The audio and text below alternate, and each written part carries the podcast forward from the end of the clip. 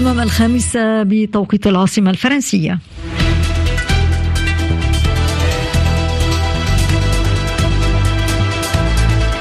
ثانية نشراتنا الإخبارية أعدها ويقدمها. أنف جبيرة صباح الخير. صباح النور. يا ريت تطب صباحكم مستمعينا الكرام في أبرز عناوين هذه النشرة. مقتل وإصابة العشرات في غارات إسرائيلية بمناطق متفرقة في غزة وحكومة حماس تحذر من أن نصف مليون مواطن يعانون من الجوع. جولة مفاوضات جديدة في باريس بهدف إطلاق سراح رهائن ووقف إطلاق النار في غزة. خلافا لغالبية الدول التي انتقدت إسرائيل بريطانيا تحذو حذو الولايات المتحدة في الدفاع عن تل أبيب خلال جلسات محكمة العدل الدولية بشأن تبعات احتلال الأراضي الفلسطينية على وقع غضب العالم الزراعي في فرنسا وأوروبا المعرض الزراعي الدولي بباريس يفتتح اليوم وماكرون يلغي النقاش الكبير الذي كان سيجمعه بالمزارعين بسبب الانقسامات حوله. مونتي كارلو الدولية نشرة الأخبار. مرحبا بكم. الحرب في غزة تدخل هذا السبت يومها الواحد والأربعين بعد المئة على وقع قصف إسرائيلي استهدف في الساعات الأخيرة مناطق متفرقة في القطاع وأدى إلى مقتل وإصابة العشرات.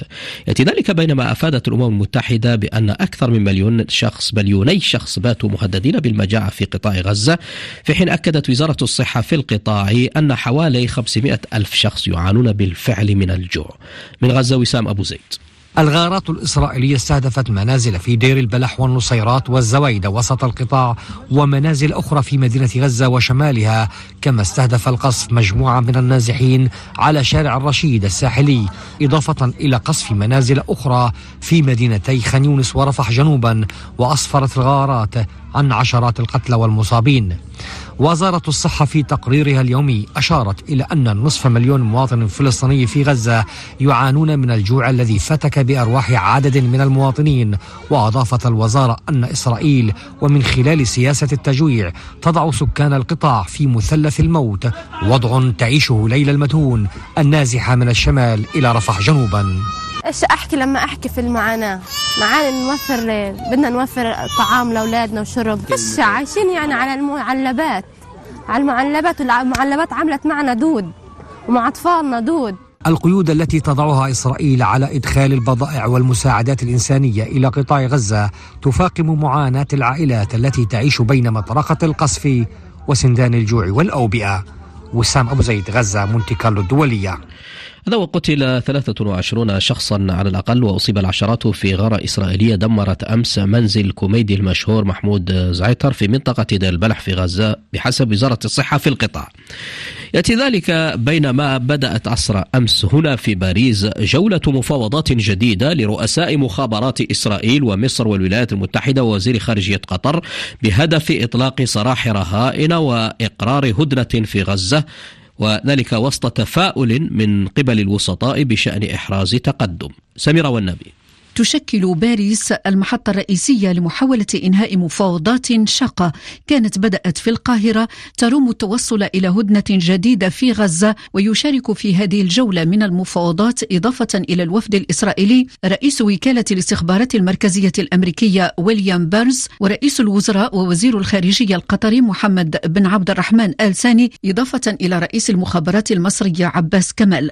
ويسعى الوفد الإسرائيلي المشارك في المفاوضات بقيادة رئيس الموساد ديفيد باغنيا إلى كسر الجمود من خلال هذه المحادثات خاصة وأن الوفد تلقى الدعم الكامل من قبل مجلس الحرب الإسرائيلي الذي وافق على توسيع التفويض المخول للوفد إلى باريس ليشمل التفاوض وليس الإصغاء فقط كما كان الحال سابقا في مفاوضات القاهرة. وتضغط الولايات المتحدة الأمريكية على حليفتها إسرائيل بضرورة التوصل إلى صفقة لتبادل الأسرى بسبب ظروف المحتجزين الإسرائيليين. الإسرائيليين واقتراب شهر رمضان.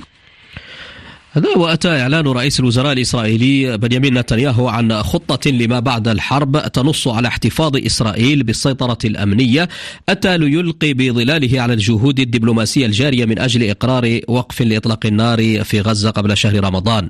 وزير الخارجية الأمريكي أنتوني بلينكن شدد خلال زيارته من للأرجنتين على رفض الولايات المتحدة لأي احتلال جديد للقطاع غزة كما قال. هذا فيما رأت السلطة الفلسطينية أن ما يطرحه نتنياهو من خطط.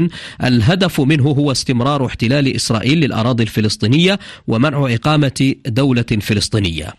فيما رفضت حماس خطة بنيامين نتنياهو وقال القيادي في الحركة أسامة حمدان في مؤتمر صحفي عقده في العاصمة اللبنانية بيروت أمس قال إن مواقف إسرائيل وردود ردودها على الوسطاء سلبية وتضع عراقيل كثيرة أمام التوصل لاتفاق. نستمع إليه. إسرائيلي يعني يمكن أن يكون بينه وبين المقاومة وسطاء كما هو الحال لكن الذين وقعوا الاتفاقيات معهم لطمهم بالكنيسة عندما قدم مشروعا باسم حكومته يحظر الاعتراف بدولة فلسطينية بمعنى أنه يقفل الباب للحديث مع أي فلسطيني. إنما على صعيد التفاوض لا زال الوسطاء يسعون بجهودهم وهو يعرف تماما ذلك. يحاول أن يعرقل هذا التفاوض لا لا يريد أن يصل إلى مآلات صحيحة. بكل الأحوال نحن متمسكون آه، بمطالبنا. موقفنا على الأرض وفي الميدان يدعم هذه المطالب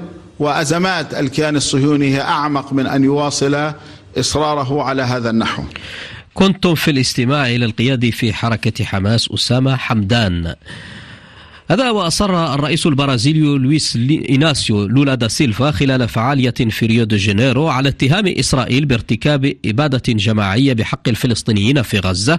ذلك بعدما أثار هذا الأخير أزمة دبلوماسية مؤخرا بسبب مقارنته الهجوم الإسرائيلي في غزة بالمحرقة اليهودية. في خضم. ذلك تواصلت أمس في لاهاي ولليوم الخامس تواليا جلسات الاستماع في محكمة العدل الدولية بشأن تبعات الاحتلال الإسرائيلي فخلافا للانتقادات الحادة التي وجهها ممثلو مجموعة من الدول ضد إسرائيل دافعت بريطانيا عن تل أبيب. موسى عاصم اللاهاي. انضمت بريطانيا إلى الولايات المتحدة في الدفاع عن إسرائيل أمام محكمة العدل الدولية. كدولتين وحيدتين من أصل 46 دولة رفضت حتى الآن تداعيات الاحتلال وطالبت بإزالته. ممثل المملكة المتحدة دانساروشي قال يجب أن لا تقوم المحكمة بحل النزاعات بين الأطراف عبر استخدام اختصاصها الاستشاري وأن الوضع الحالي للأسئلة المطروحة من شأنه أن يخلق وضعا ضد إسرائيل. بالمقابل قدمت 11 دولة أخرى مرافعاتها ولوحظ إجماع بين هذه الدول ومن بينها دول عربية ونرويج وباكستان وناميبيا وسويسرا على ضرورة منح الشعب الفلسطيني حق تقرير المصير وإنشاء دولته المستقلة على حدود 67 مندوب سوريا عمار العرسان قال إن الممارسات التي ترتكبها إسرائيل تعكس فشل المجتمع الدولي في منع الجرائم ورأت سلطنة عمان أن بناء المزيد من المستوطنات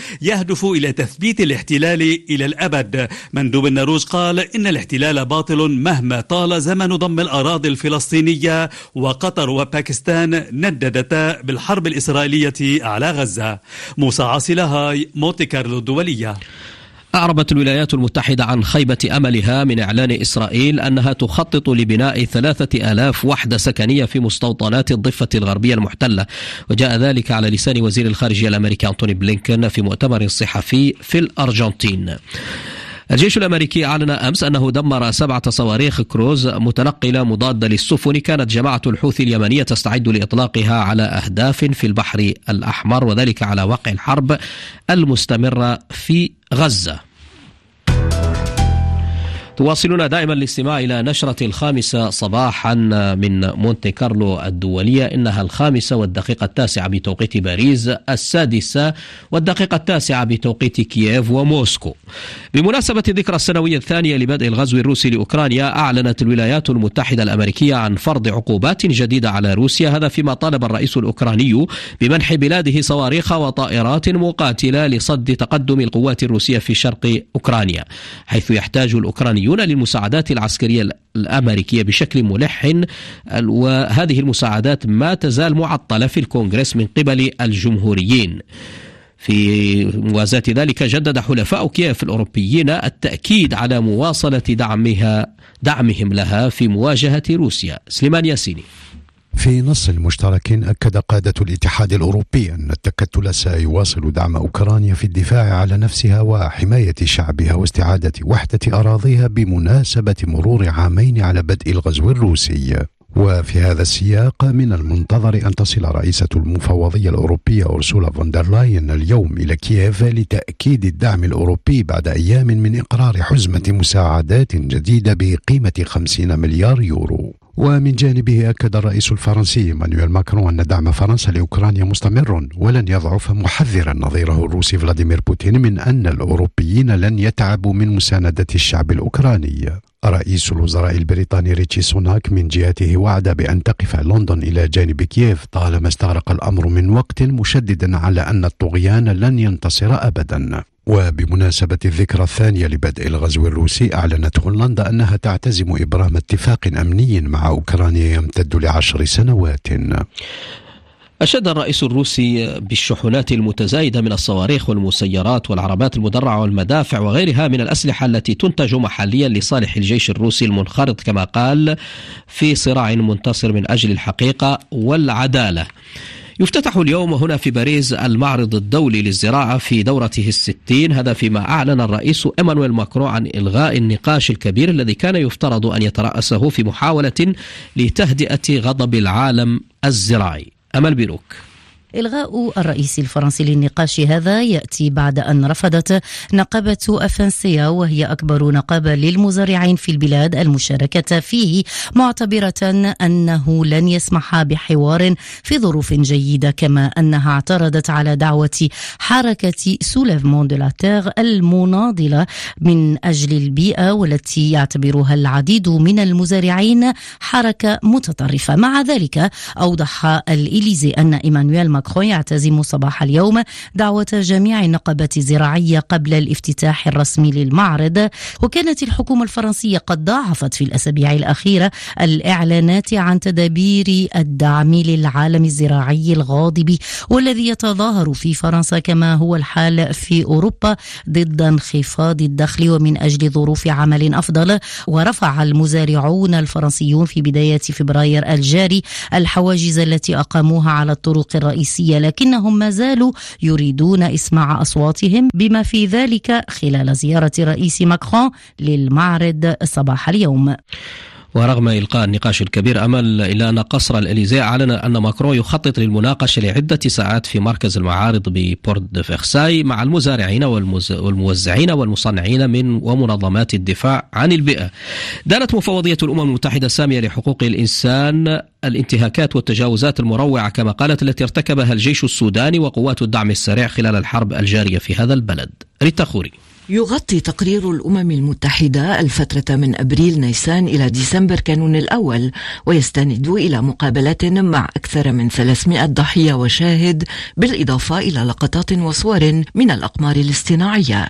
وذكر التقرير أنه في أحد الحوادث قتل عشرات النازحين عندما تعرض مخيمهم في زالنجي بدارفور للقصف من قبل قوات الدعم السريع وقتل نحو 26 مدنيا معظمهم من النساء وال الأطفال في الثاني والعشرين من أغسطس آب بقذائف قيل إن القوات المسلحة السودانية أطلقتها بينما كانوا يحتمون تحت أحد الجسور ووثق محقق الأمم المتحدة حتى الآن 118 حالة عنف جنسي كما وثقت حالة اغتصاب جماعي في هجمات عرقية شنتها قوات الدعم السريع والميليشيات العربية المتحالفة معها.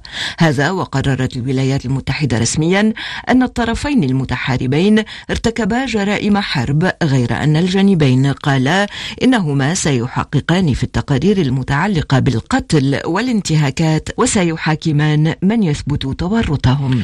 في السنغال رفض 16 من أصل 19 مرشحا تم اختيارهم للسباق الرئاسي الحوار الذي اقترحه ماكي سال.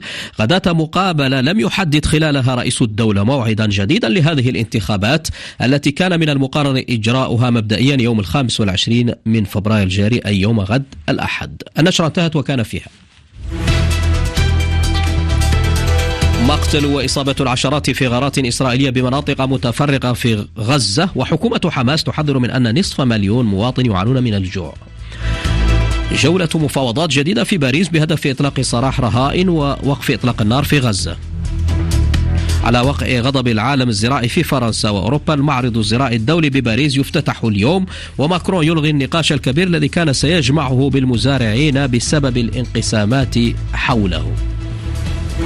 للاستماع إلى آخر نشراتنا كوم